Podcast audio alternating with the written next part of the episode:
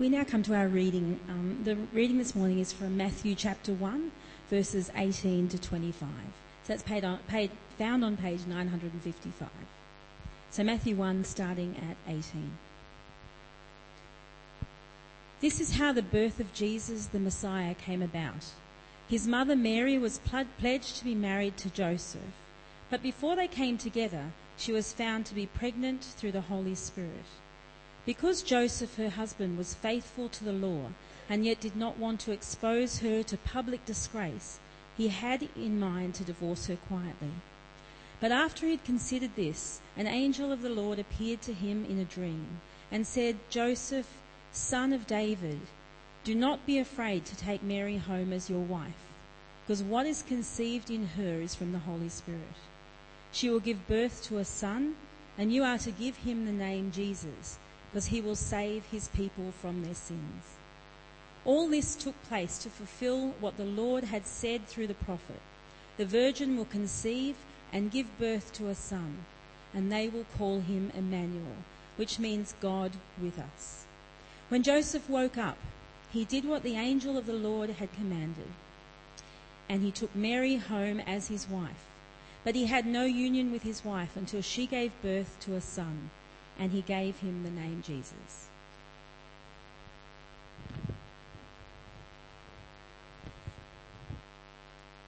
Good morning, everyone.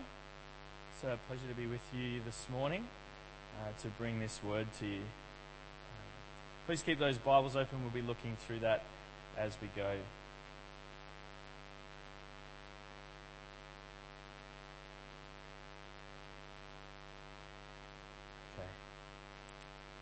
Do you fear what others think?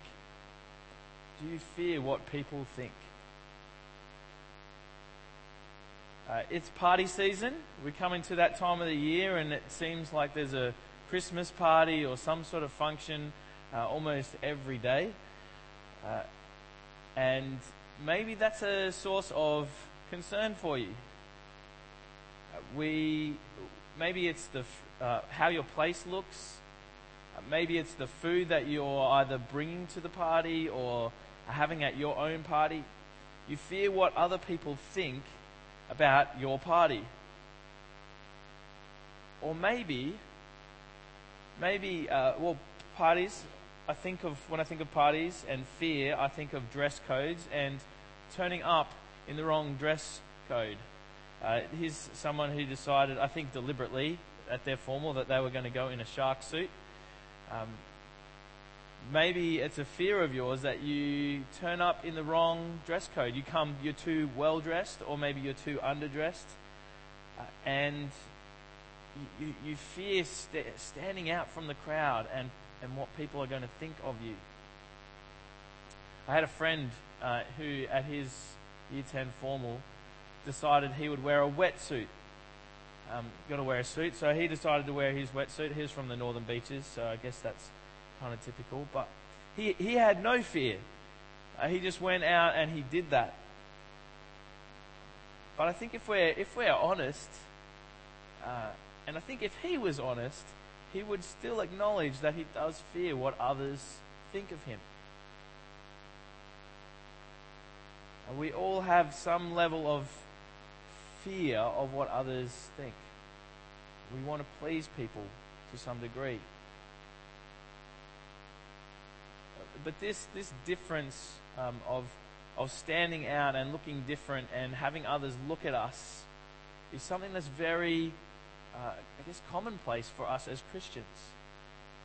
We can often feel as different as wearing a shark suit at a formal.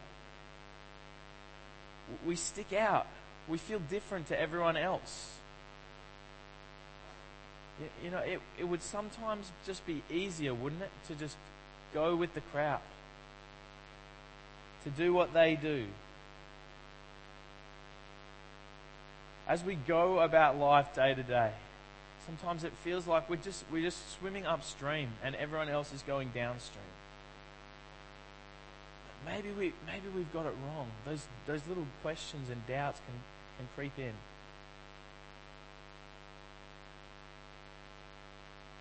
Well, if you're a Christian here today and, and you're struggling with that, then uh, we've got a great, there's a message for you. And if you're here today and you're not a Christian, uh, maybe you're, you, you, you're sort of look in at the Christian world, you're here, you're checking things out, you're still not sure, you haven't fully jumped in with this Christian thing. Uh, and sometimes you look at us and you think, they're just, they're just a little bit strange, and I'm not sure I want to join up. Uh, well, there's a message here for you today as well. Um, if you have a look, we're going to start uh, looking at the passage again now. So, verse 18. Our first point is that is don't fear what people think. Don't fear what people think. Let's have a look from verse 18. This is how the birth of Jesus came about. His mother Mary was pledged to be married to Joseph. But before they came together, she was found to be with child through the Holy Spirit. Because Joseph, her husband, was a righteous man and did not want to expose her to public disgrace, he had in mind to divorce her quietly. But after he had considered this, an angel of the Lord appeared to him in a dream and said, Joseph, son of David, do not be afraid to take Mary home as your wife. The angel appears to Joseph in a dream, a vision. It must have been a very, uh, very strong dream and vision. But this angel says, Fear not. Don't be afraid. And what was it that he was to not be afraid of? Don't be afraid to take Mary home as your wife. I mean, imagine, imagine being Joseph all those years ago. We're told that Joseph was a righteous man. He's a good man. And he's been pledged to be married, or Mary's been pledged to be married to him. Imagine when he hears this message, or he finds out that Mary is pregnant. We're all adults here. We know there's only one way that that happens. Imagine being Joseph at that moment. Imagine what he must have been thinking and feeling towards Mary when he found out that she was pregnant. He must have been horrified. He was, he was a righteous man, a good man. This is a godly man.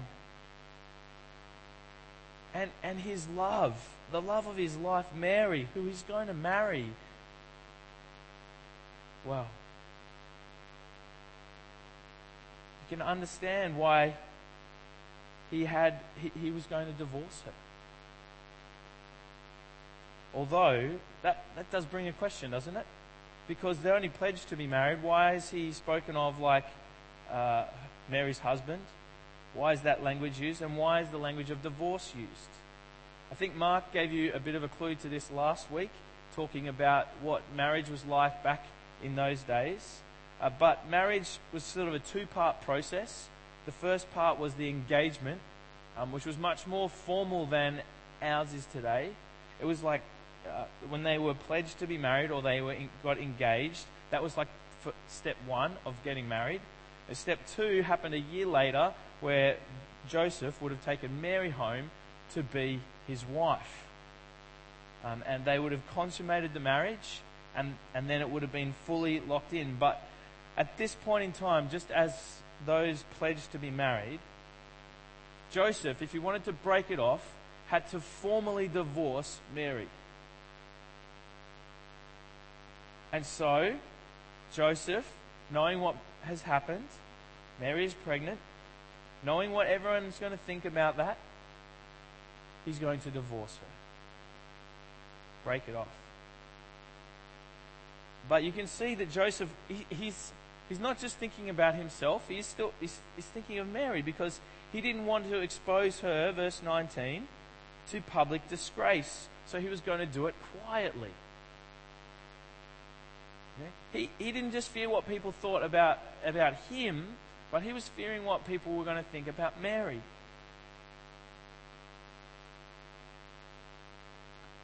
He was going to do it quietly.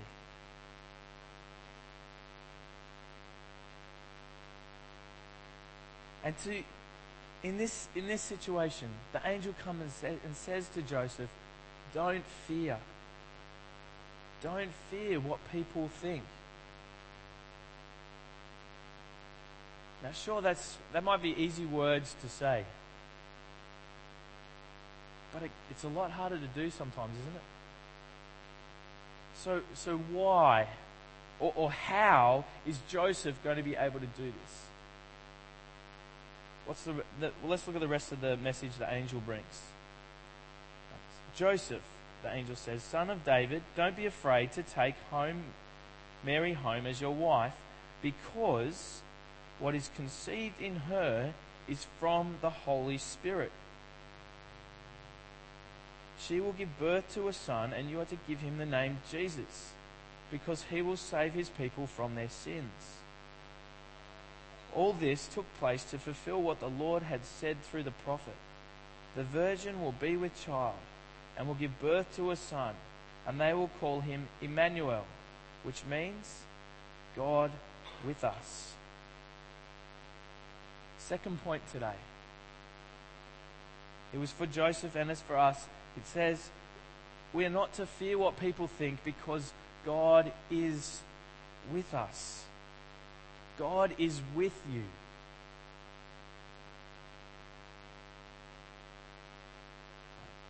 Verse 23 uh, is quoting from Isaiah. Uh, in the book of Isaiah, King Ahaz, so it's about 735 years before Jesus turns up. Um, and Ahaz was the king. But they were coming under pressure from Aram to the north. Here's a map on the screen so you can see it a little bit better. But Aram, just one of uh, Israel's northern neighbors, they decided that they were going to come and attack Israel, the southern kingdom of Israel, which King Ahaz was king of. And he was, he was very fearful of this. They were more powerful neighbors to their north. And God had sent a message to Ahaz saying, do not fear them. Trust in me. I'm not going to let them win. I'm much more powerful. Ahaz is uh, fearing the, the, the, uh, the nation of Aram. He's fearing what that might mean. He's got this message from God and he's in this time of questioning and working out what to do. And up on the screen, here's what follows in the verses in Isaiah 7. Um, and it contains the quote that we've got here in Matthew 1. Again, the Lord spoke to Ahaz Ask the Lord your God for a sign, whether in the deepest depths or in the highest heights. But Ahaz said, I will not ask. I will not put the Lord to the test. Then Isaiah said, Hear now, you house of David. Is it not enough to try the patience of men? Will you try the patience of my God also? Therefore, the Lord himself will give you a sign. The virgin will be with child and will give birth to a son and will call him Emmanuel. God said to Ahaz, He said, Ask me for a sign. And he refused. It seems like he's being, you know, very pious and proper and godly, maybe. No, no, I won't test the Lord. But God had said, Ask me for a sign. God was begging to give him a sign that he would be with them and protect them. And even though uh, uh, Ahaz didn't ask for that sign, God gave it to him anyway. In chapter 8 of Isaiah, you can read that God sent, uh, sent um, sorry, there was a prophetess, an unmarried woman, who had not um, been with anyone, a young lady who gave birth to a son. That was to be the sign that God would protect Israel from Aram. And that's what he did. The nation of Aram didn't come and destroy Israel. But although that prophecy was fulfilled in Isaiah 8, God had something much bigger in mind. You see, that, that word that we, we translate virgin, it could have just meant young lady, young woman, which is what happened with Isaiah 8. But God had something much bigger in mind that, that we, they didn't know about then. They didn't understand it. It wasn't until Jesus came. It wasn't until God did this miraculous thing and, and brought Mary to be with child by the Holy Spirit that we understand that God was promising something so much bigger, so much more miraculous, so much more extraordinary. Jesus is the fulfillment of these verses.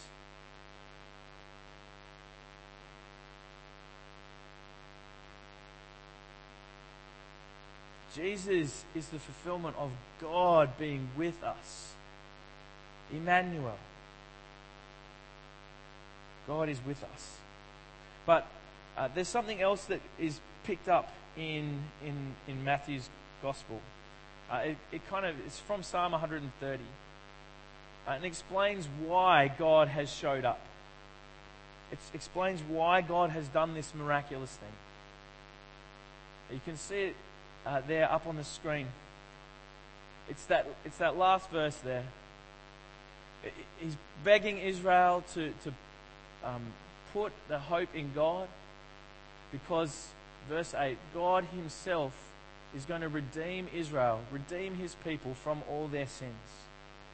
Uh, and you may notice the wording is almost identical to that in verse 21.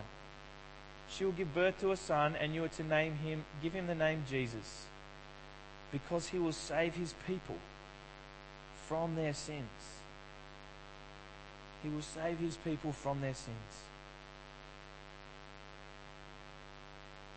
the message that the angel brought of this baby that was going to be born to Mary was good news to Joseph.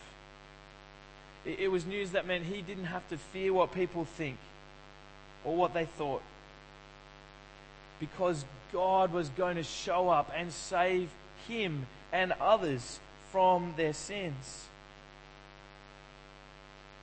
We've sung, we sung earlier today that uh, sin has made us like scarlet, stained red, unclean, broken.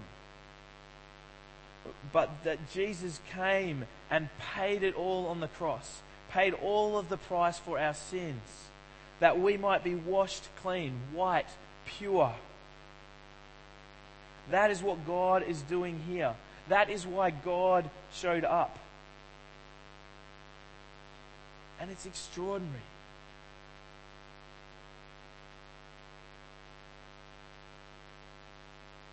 so many times I, I, hear people say, well, you know, if God showed up and, and, and came and appeared to me, I'd believe him. God did show up to show himself. And more than just to show himself, to actually fix this horrible problem we have of sin.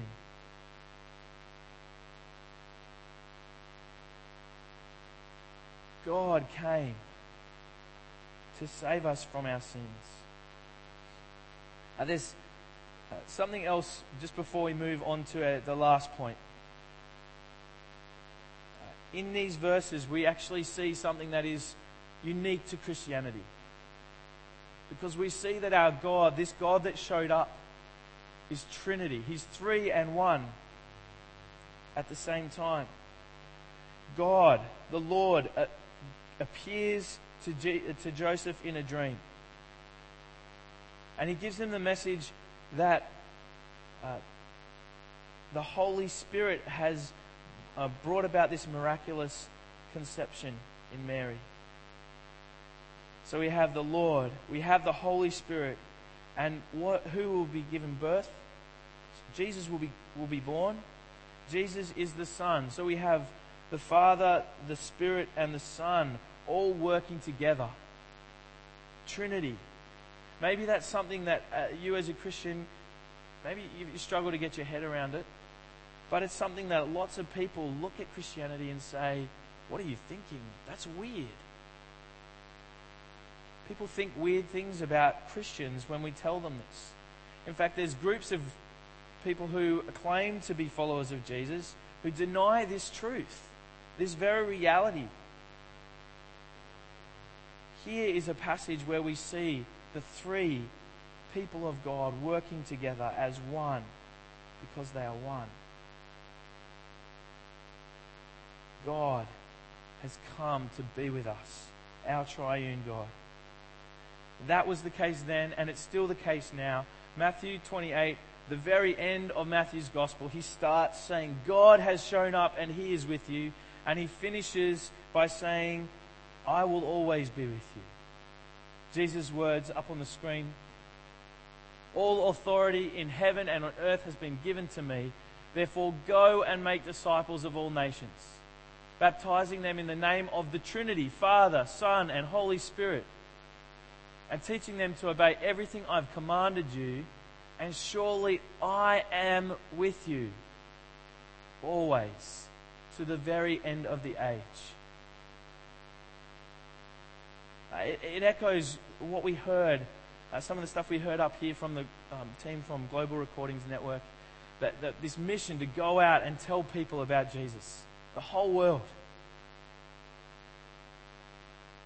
Uh, but there's also that, that reminder that God is with us. Jesus is with us by His Spirit, wherever we go, whatever we do as His people. So we too don't need to fear what people think of us. Instead, point three, we can live with Him now. We're to go out and live with Him now. Verse 24 and 25. When Joseph woke up, he did what the angel of the Lord had commanded him and took Mary home as his wife. But he had no union with her until she gave birth to a son, and he gave him the name Jesus. What do we see here? We see Joseph living with God.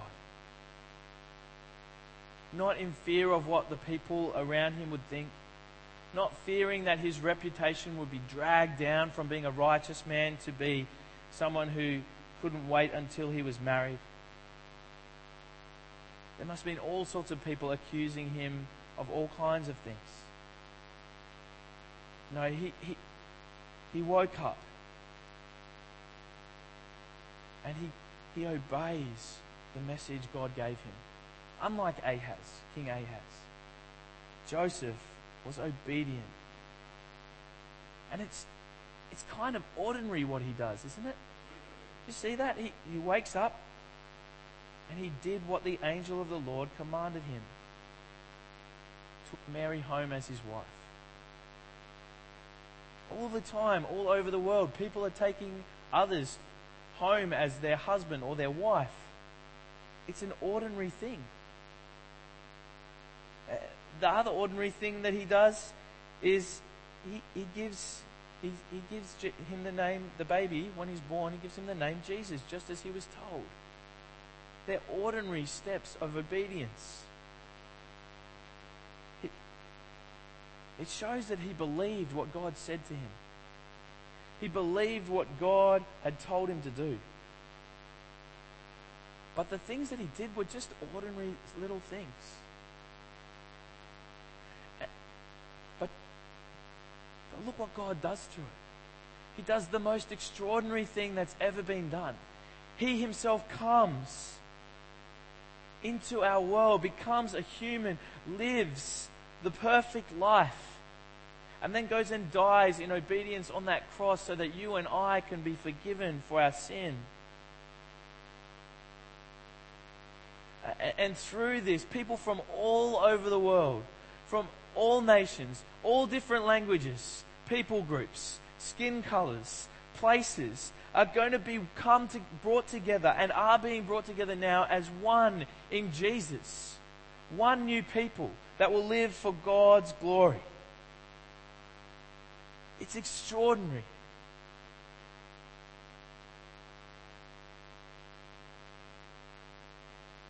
And it happens.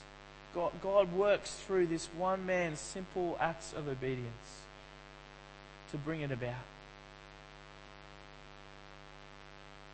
If you'd been Joseph back then,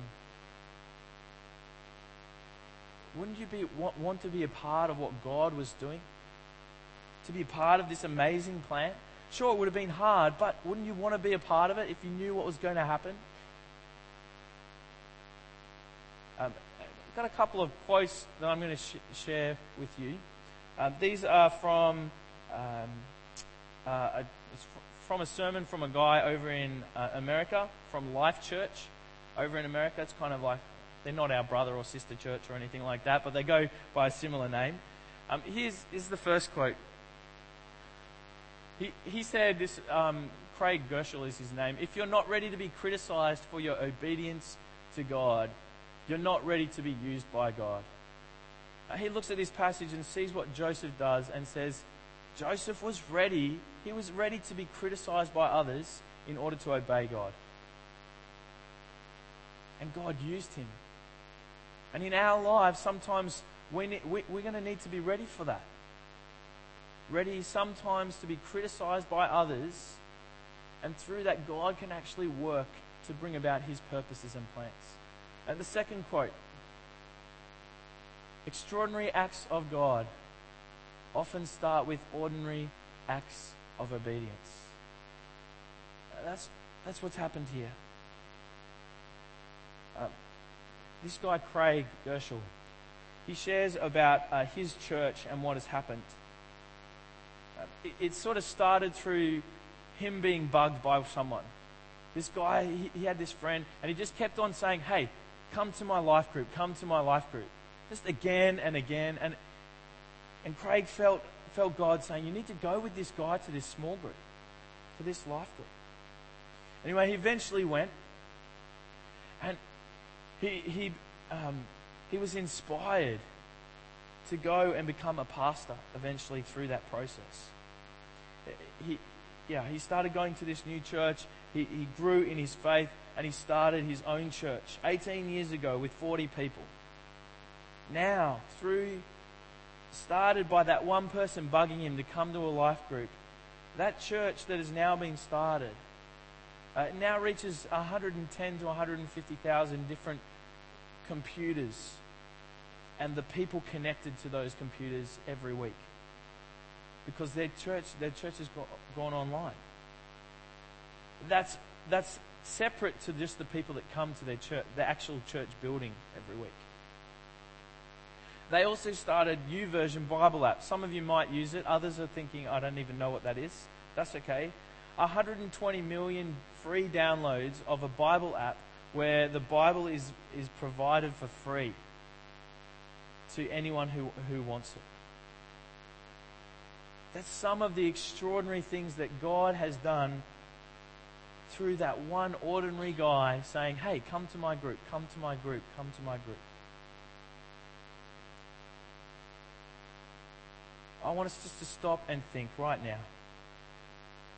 What, what might God be able to do through you in some small, ordinary act of obedience? Maybe there's something that God's been, been saying to you lately that He really wants you to do. Maybe you had a dream and you feel like God has been speaking to you through that. It's possible.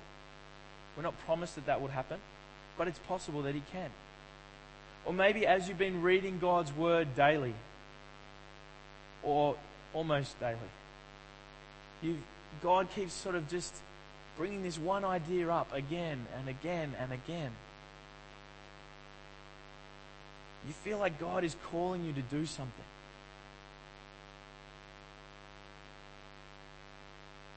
What might God do through you if you take that simple step to obey what you feel God is calling you to do? What could happen? It could be extraordinary. So I want to leave you with one question. Will you trust what God says? Will you trust what God says more than you fear what people think?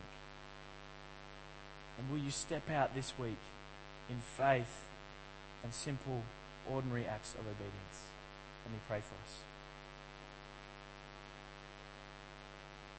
Heavenly Father, thank you that you didn't stay distant, but out of your love for us, you, you entered into our world.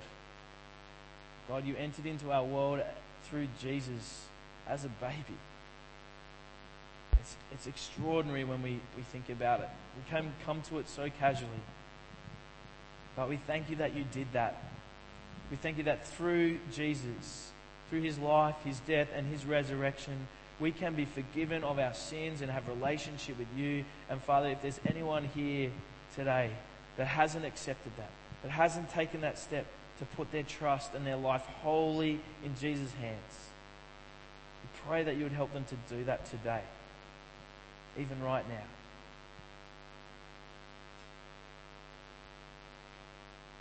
And Father, we pray for each and every one of us that you would help us to hear what it is that you are saying to us. That, that we will be able to, to, to know for sure that it is you speaking to us. Um, that we be able to know that is your will, what your will is for our lives as we read your word, as we pray. And we ask that you would strengthen us by your Spirit who's in us to go and do, it, do what it is that you're calling us to do. Help us to obey you. And Father, we pray that through, through us, through our ordinary acts of obedience, that you would do extraordinary things. We pray this for Jesus' sake. Amen. Thank you, Paul. We're going to conclude our service today with our last song. It's going to be a Christmas carol. It's probably a familiar one to most